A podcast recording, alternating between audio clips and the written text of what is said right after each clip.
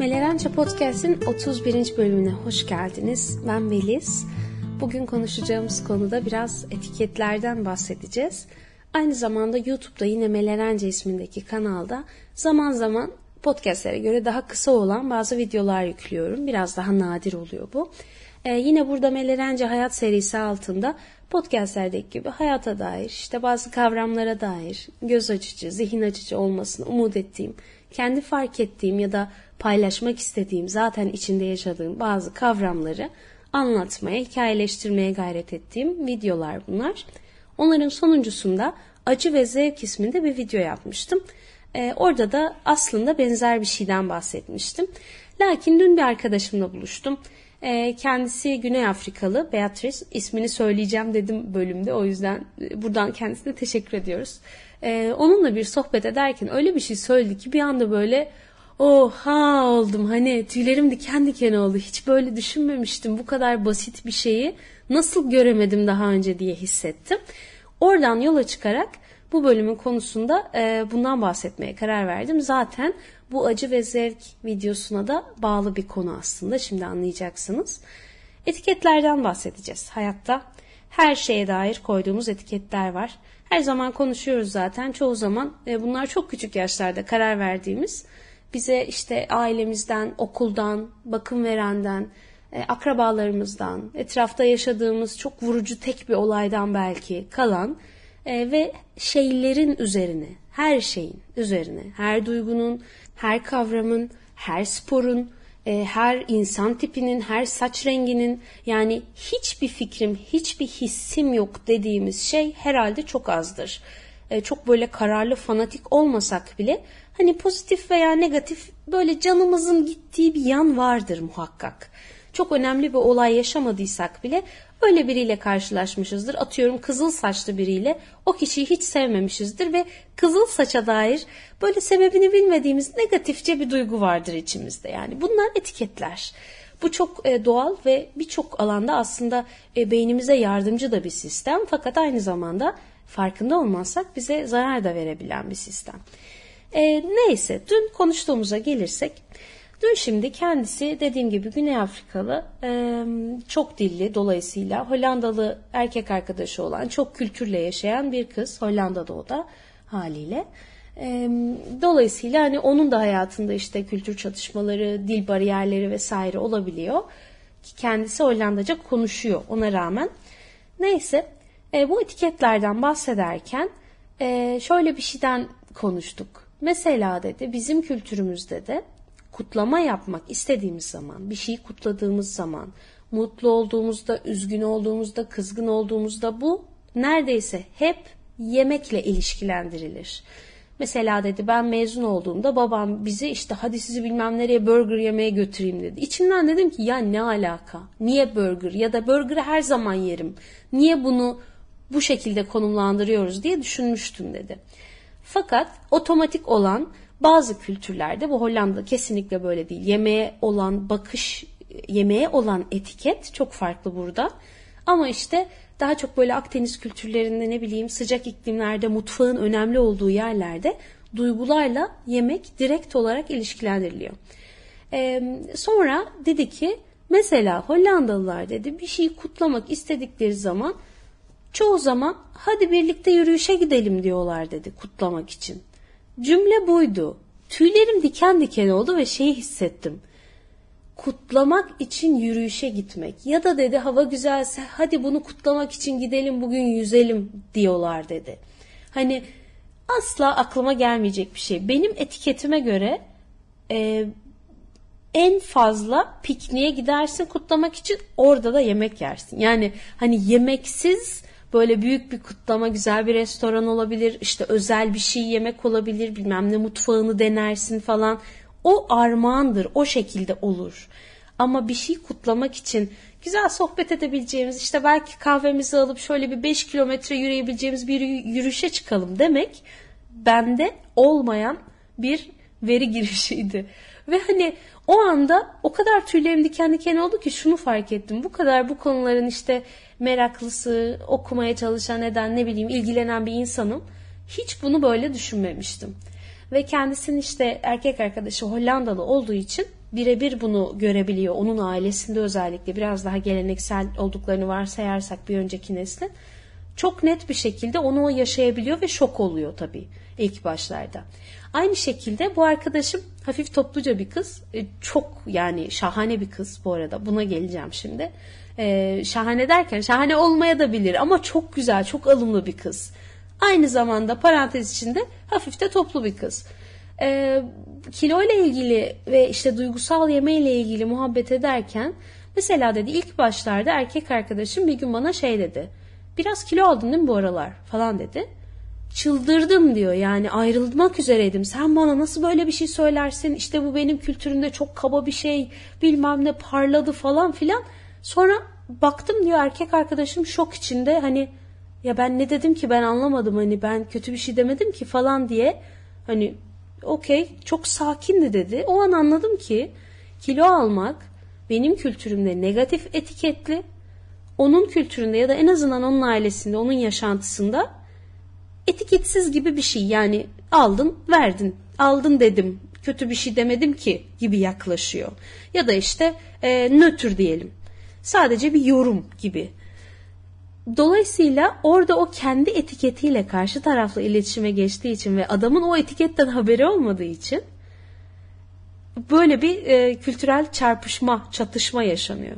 Bunu birçok alanda yaşıyoruz ve illa farklı kültürlerden olmanıza gerek yok. Dediğim gibi her ailenin, her zihin yapısının, yaşayışın etiketleri birçok konuda farklı olabilir.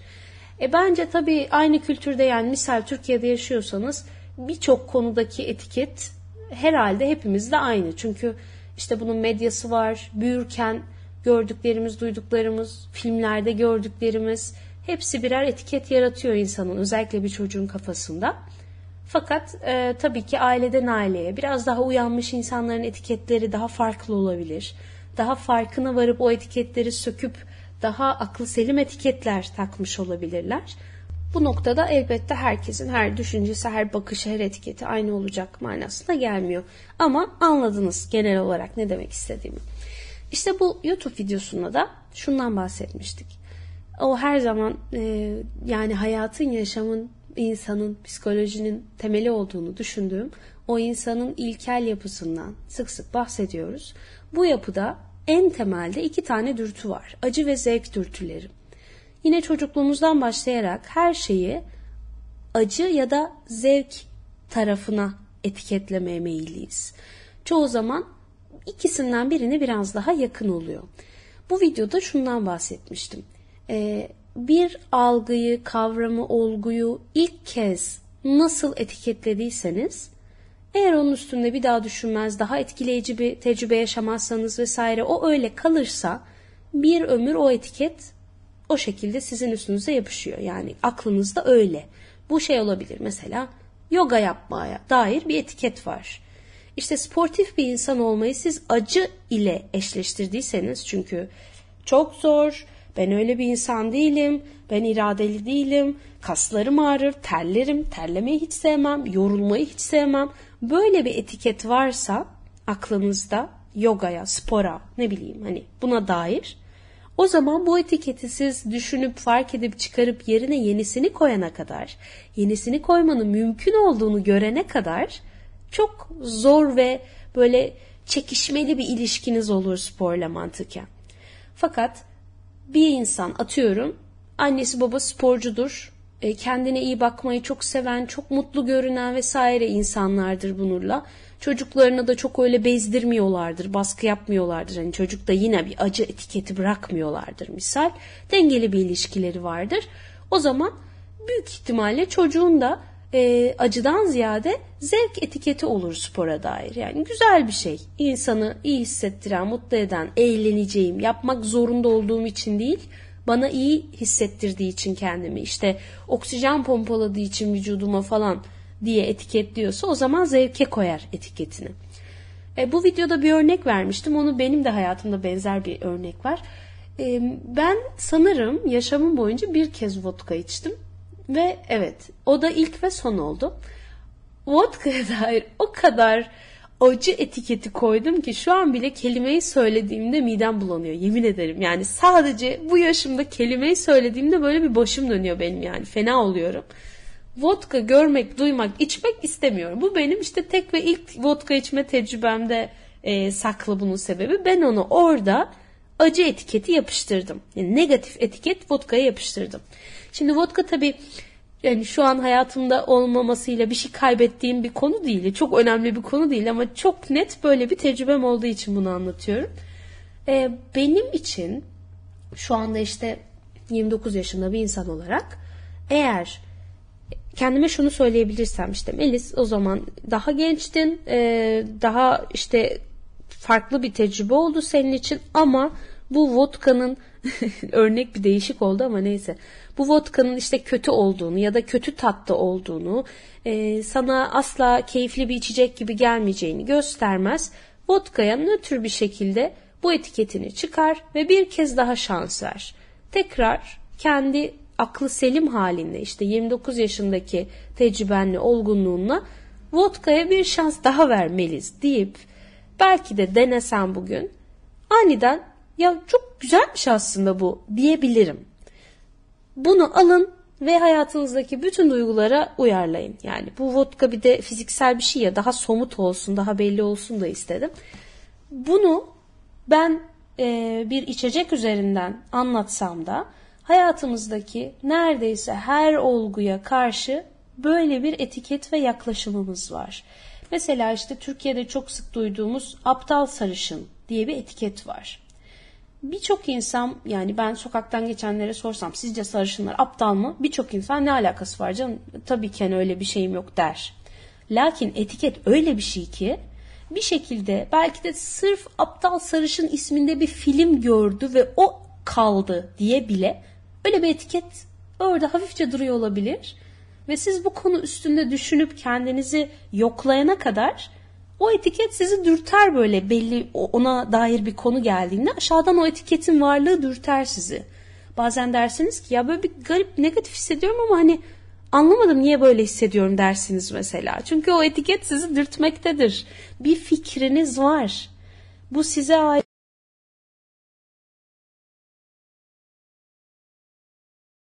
fark ettikçe, yeniden düzenledikçe bir şeyler çok daha işte kendini tanıma dediğimiz yere yaklaşıyor. Çünkü içinizdeki etiketleri anlıyorsunuz. Neler yaşadığınızı, işte neden, ne zaman, kimin davranışıyla, belki hangi gün hatırlayabilirsiniz bile çok önemli bir anıysa buna karar verdim. Buna ben kaç yaşında hangi duygularla karar verdim? Çocuksu duygularla mı karar verdim? O zaman aynı konuyu alıp bugün bu yetişkin halimle tekrar gözden geçirip bu etiketin çıkmaya ihtiyacı var mı buna karar vereceğim demek insanı duyguların, tecrübelerin, genelde kötü tecrübelerin, negatif tecrübelerin kölesi olmamaya çağıran bir şey. Yoksa dediğim gibi modlarımızın, negatif hallerin, psikolojinin kölesiyiz. Hiçbir kontrol gücümüz yok, hiçbir yönetme gücümüz yok. Neden böyle hissettiğimizi anlayamıyoruz e bu nasıl yaşamak? Yani bir insanın kendinden bu kadar habersiz olması bence kalitesiz bir yaşam geçiriyor demek. Dolayısıyla e, birçok konuda özellikle sizi böyle ya aslında ben bu konuda bir fikrim yok ama niye böyle bir garip hissediyorum dediğiniz mevzularda dönüp içeriye bakıp ben bunu acı olarak mı zevk olarak mı etiketledim? Bunu ilk kez ne zaman hissettim? Ne yaşadım da bunu böyle kaydettim ben aklıma demek. Oturup bayağı hatta bir beyaz kağıt işte kalem alıp yazıp çalışmak şahane bir egzersiz ve birçok konuda kendinizi çok daha iyi tanımanıza yardımcı olacak bir şey aynı zamanda. Diğer taraftan yine dün bu arkadaşımla konuştuğumda e, kutlamanın özellikle işte bizim gibi mutfağın önemli olduğu toplumlarda illa yemekle ilişkilenmek zorunda olmadığını ve şey dedi mesela işte mutsuzluk da yemekte hani mutsuz olursun dedi kanepede işte oturup dondurma kaşıklarsın. Budur kafamdaki şey dedi ama mesela erkek arkadaşım ve ailesi ben bugün biraz iyi hissetmiyorum mutsuzum dediğinde çıkıp spora gidiyor dedi. Hani ya da işte koşayım yürüyeyim açılırım. Şey değil böyle e, fit olayım maksadıyla değil. Vücuduma iyi gelir şöyle bir kendime gelirim işte bir hormonlar salgılarım ne bileyim bir canlanırım bu mantıkla. Bizim herhalde genellersek aklımıza en son gelen şey modumuz düşük olduğunda, mutsuz olduğumuzda kalkıp hareket etmek, spora gitmek. Öyle bir etiket yok bizde. Öyle kayıtlı değil. Fakat bunu görmek bana şunu e, düşündürdü. Hakikaten bu etiketleri çıkarmak, düşünmek, etikete bakmak. Ya evet sen mantıklı değilsin. Ben seni zamanda yapıştırmışım buraya ama şu aklımla bakıyorum. Fikirler değişebilir ki o zaman çok olgun bir yaşta da değildim. Şu anki olgunluğumla ben senin yerine bu etiketi koymaya karar veriyorum. Ya da bazı şeyleri etiketsiz bırakmaya karar veriyorum. O da bir seçenek olabilir. Genelde bir tarafa insanın aklı kayıyor. Biraz daha hani mümkün olmasa da nötr hiçbir hissin olmadan bırakmak biraz zor geliyor bana.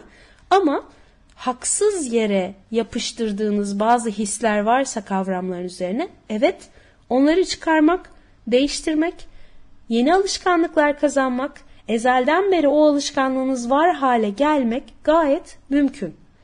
İnsanın en büyük düşmanlarından biri bu zihnin içerisinde o değişimin mümkün olmayacağı, başka bir hayatın mümkün olmayacağı, ben değişmek istiyorum dediğinizde atsan atamazsın, satsan satamazsın. Bütün kendini, benliğini değiştirme fikrinin çok ağır gelmesinin en güzel çözümü her zaman diyorum ben sakarım değil, ben varoluşumla sakarım değil, ben benim bazen sakarlıklar yapıyorum demek o zaman bunu değiştirmenin çok daha kolay olmasını sağlıyor. Aynı şekilde işte kendinize ben sakarım etiketi yapıştırdığınızda işler karışıyor. Fakat bazen sakarlıklar yaparım dediğinizde okey o zaman bunu değiştirebilirim psikolojisine giriyor zihniniz. Çok mantıklı böyle hani düz mantık basit bir şey aslında. Bu aralar yine çok düşündüğüm bir şey. Aslında yani hayata dair birçok şey o kadar basit ki kolay değil basit. Şifre, denklem, matematik karşınızda duruyor. Bunu bunu yaparsan böyle olur. Şunu şunu yaparsan yol buraya gider. Bunu bunu yaparsan yolu kapatırsın. Neyse. Sistem çok basit. Herkesin ulaşabileceği bir yerde sistem. Ama uygulamak kolay değil. Fakat iyi haber işte öyle bir şey ki herhalde en yakına bakmayız diye e, bizim içimize koymuşlar bunun kilidini. Herkesin içinde aynı fırsat, imkan, olasılık var. Ne kadar sürekli e, öz disiplinli, öz şefkatli, kendinin farkında olan, kendini tanıyan, olayları kasmayan, birazcık akışına hayata güvenen, bırakan bireyler haline gelebilirsek, o kadar duygusal olarak olgun olabilirsek, hayat bütün olasılıklarını, imkanlarını, bütün hazinelerini ayaklarımıza sermeye hazır hale geliyor her zaman. Bu öyle bir e, kafa hali ki ya sermese de okey ben zaten şu an burada olduğum için çok mutluyum, şanslıyım. Bu sabah da uyandım. Güzelce gülümsedim, uyandığımı fark edip bunun aslında ne kadar özel bir şey olduğunu hissettim iliklerimde ve böyle güzel bir güne başladım. Açtım pencereleri bir nefes aldım, ciğerlerimi hissettim. Hayat bana hazinelerini sermese de zaten çok iyiyim dediğinizde hayat hazineleri sermeye başlıyor. Ne kadar insan kafayı takarsa, hırpalarsa, çekiştirirse hayatı, hayatta o kadar kendini naza çekip kitleniyor. Bu herhalde dünyanın en böyle soyut kanunlarından, kurallarından biri enerjiyle ilgili. Şu sıralar aklıma sıkça gelen böyle incelediğim, düşündüğüm bir diğer örnekte etiketlerle ilgili dişilik ve kadınlık etiketi. Ee, bu kelimeleri bile duyduğunuzda aklınızda bir şey canlanıyor. Aslında bu sizin için de bir pratik fırsatı. Kadınlık dediğimde ne hissediyorsunuz mesela? Kadın ya da erkek olmanızın hiçbir önemi yok. Yani tabii değişebilir ona göre durum ama kendinize sorabilirsiniz. İlk içimde doğan his ne? Pozitif, doğurgan, üretken, yaratan bir enerjiden mi, etiketten mi bahsediyoruz? Yoksa yasaklı bir şey mi hissettiriyor size kadınlık demek? O ilk hissi yakalamak işte içinizdeki her kavram için bu pratiği, bu egzersizi deneyebilirsiniz. İlk hissinizi yakalamak size bir şeyler söyleyecektir bununla ilgili. Normalde dişilik enerjisi, dişil enerji diye bir enerji çeşidi var. Yani kadından işte toplumdan falan bağımsız olarak doğurgan üretici enerji denen işte yaratıcılığı temsil eden, yapıcılığı temsil eden bir enerji çeşidi. Bunu hani dişillik çok özel bir şey gerçekten. Ben kadın olduğum için söylemiyorum. Erkek olsam da söylerdim. Hakikaten çok özel bir şey. Bir yaratıcılık saklanmış bir şey içerisine. Bunun illa e, çocuk doğurmakla da alakası yok. Yani birçok alanda kadınların ve erkeklerin farklı yetenekleri ve farklı özellikleri var diye düşünüyorum. Biyolojik olarak da tarihte yani e, binlerce yıldır da her zaman böyle olmuş. Bugün bunları fark edip kullanabilmek de yine e, bizim o sofu yanlarımızdan biri olacak eğer başarabilirsek. Zira bizim toplumumuzda kadınlık dendiğinde birçok insanın aklında negatif ve yasaklı bir e, algının olduğunu düşünüyorum. Mesela çok kadınsı olmuşsun deseniz 40 yaşındaki bir kadına çocuğa işte 15 yaşındaki bir genç kıza değil 40 yaşında bir kadına çok kadınsı olmuş dediğinizde bu kötü bir şeydir dilimizde. Hani nasıl yani kadınsı e kadınsı tamam kadınım kadınsı olayım. Hani burada bir etiket karmaşası var bence. Bu benim en çok fark ettiklerimden biri. Kadınsı olmak, e, böyle işte çekici olmak, alımlı olmak bunlar yasaklı etiketler. Halbuki alakası yok. Son zamanlarda, son yıllarda fark ettiğim bir şey bu. Bu kişinin o konuya dair algısıyla şekillenen bir şey. Ve ortak bir toplumda yaşadığınızda dediğim gibi özellikle medya sebebiyle hep bir algı diyorlar ya ne o? Algı şeyi operasyonu yapılıyor aslında doğru bir algı yaratıyorlar, bir etiket yaratıyorlar ve insanlar hiç düşünmemiş olsa bile böyle sağ tarafta bir ses var kafada. Bir fikir var. Şu an mesela şu aklımla etiketlerimi kurcalamış olduğum e, olgunlukla mutlaka daha değişecektir önümüzdeki yıllarda ama düşündüğüm zaman kadınlık, kadınsı olmak, dişilik, müthiş bir lütuf benim gözümde. Ve bunun etiketini ben tekrar koyabilirim. Koydum da zaten. Genelde düşündüğünüz zaman ataerkil toplumlarda bilhassa kız çocuklarının yetiştirilme şekli hep şeydir. Prenses, işte ay ne tatlı ne uslu hiç gıkı çıkmıyor. Bu bir e, lütuftur orada. Bu bir e, iltifat sebebidir gıkının çıkamaması.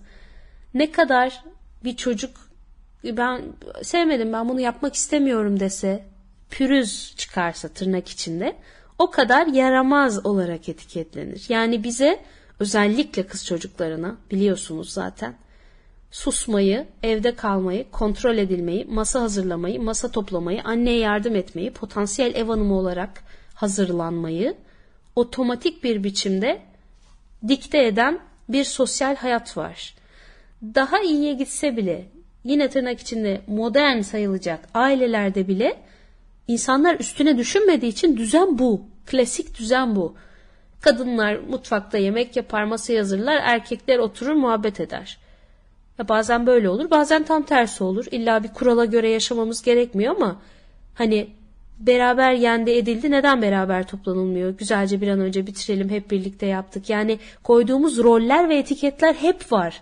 Bunun cehaletle işte modernlikle falan her zaman çok alakası yok. Gayet okumuş etmiş ne bileyim işte akademik kariyeri olan bilmem ne CEO'su olan falan insanlarda da düşünmediği sürece etiketlere hapsolma hali her zaman mevcuttur. Her şeye, her kavrama dair. Dolayısıyla mevzu fark etmek, mevzu üstüne düşünmek, değiştirip değiştirmek istemediğimize işte karar vermek ve eyleme geçmek. Tabii ki bunu yaparken de diğer insanların e, bakışından işte onların hala bu kavramlara sıkı sıkı sarılıyor oluşundan artık çekinecek misiniz? E, meydan mı okuyacaksınız? Onlara da açıklamaya mı çalışacaksınız? Orası e, sizin bileceğiniz iş. Şahsen ben öyle bir noktadayım ki hiç umurumda değil. yani hiç ilgilenmiyorum. Bu benim hayatım, benim kavramım. Bana nasıl iyi geliyorsa, neyin doğru olduğunu düşünüyorsam onu yaşayacağım. Senin e, sığlığın beni etkileyecek bir şey değil. İnsanlar çoğu zaman o kadar kendilerinden habersiz ki car car car car karşı tarafı eleştiriyorlar. Böyle incecik bir soru alıp soruyorsun tak diye ışık görmüş tavşan gibi kalıyor. O kadar boş ki içi. Bir soruyla böyle blok yapıyorsun. Dan diye çarpıyor duvara. Hani bu insanlara çok fazla önem verip zaman harcamaya da gerek olduğunu düşünmüyorum. Eğer toplumsal e, baskıdan çekiniyorsanız. Ya bu dediğim gibi herhangi bir konuda olabilir.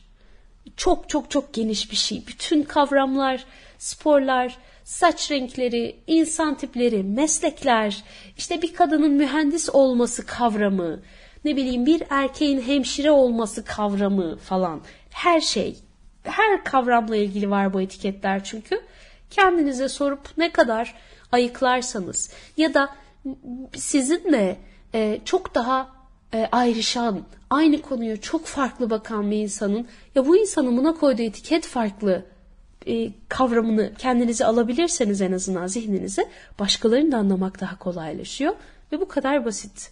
Herkes nasıl istiyorsa, hangi etiketle istiyorsa öyle yaşasın. Yeter ki farkında olsun. Hani en büyük temennim o. Neyi neden yaptığını yeter ki bilsin. En sağlıklısı da o bence. Ee, yani ne kadar örnek verirsek o kadar göz açıcı oluyor ama dediğim gibi bir egzersiz olarak kendiniz bazı kavramların üzerinde ne düşündüğünüzü, ilk hissinizi bir yoklayın bakalım. İsterseniz Instagram üzerinden de yazabilirsiniz bana. Sohbetini edebiliriz bunun. Ee, böyledir. Bugünün konusu, bugünün e, ilhamı böyleydi. Umarım bir şeyler uyandırmıştır içinizde.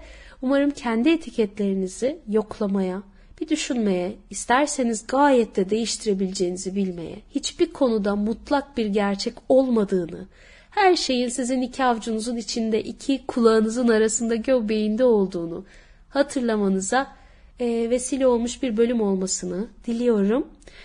Ayrıca yaklaşık e, bakayım 27 dakika boyunca 1 milyon kere etiket dediğim için de kusura bakmayın ama malum konu bu bugün. E, 32. bölümde görüşmek üzere diyelim. Düşüncelerinizi, duygularınızı bana yazdığınızda da çok mutlu oluyorum. Her zaman beklerim. Çok teşekkür ederim. Dinlediğiniz için de teşekkür ederim. Görüşmek üzere.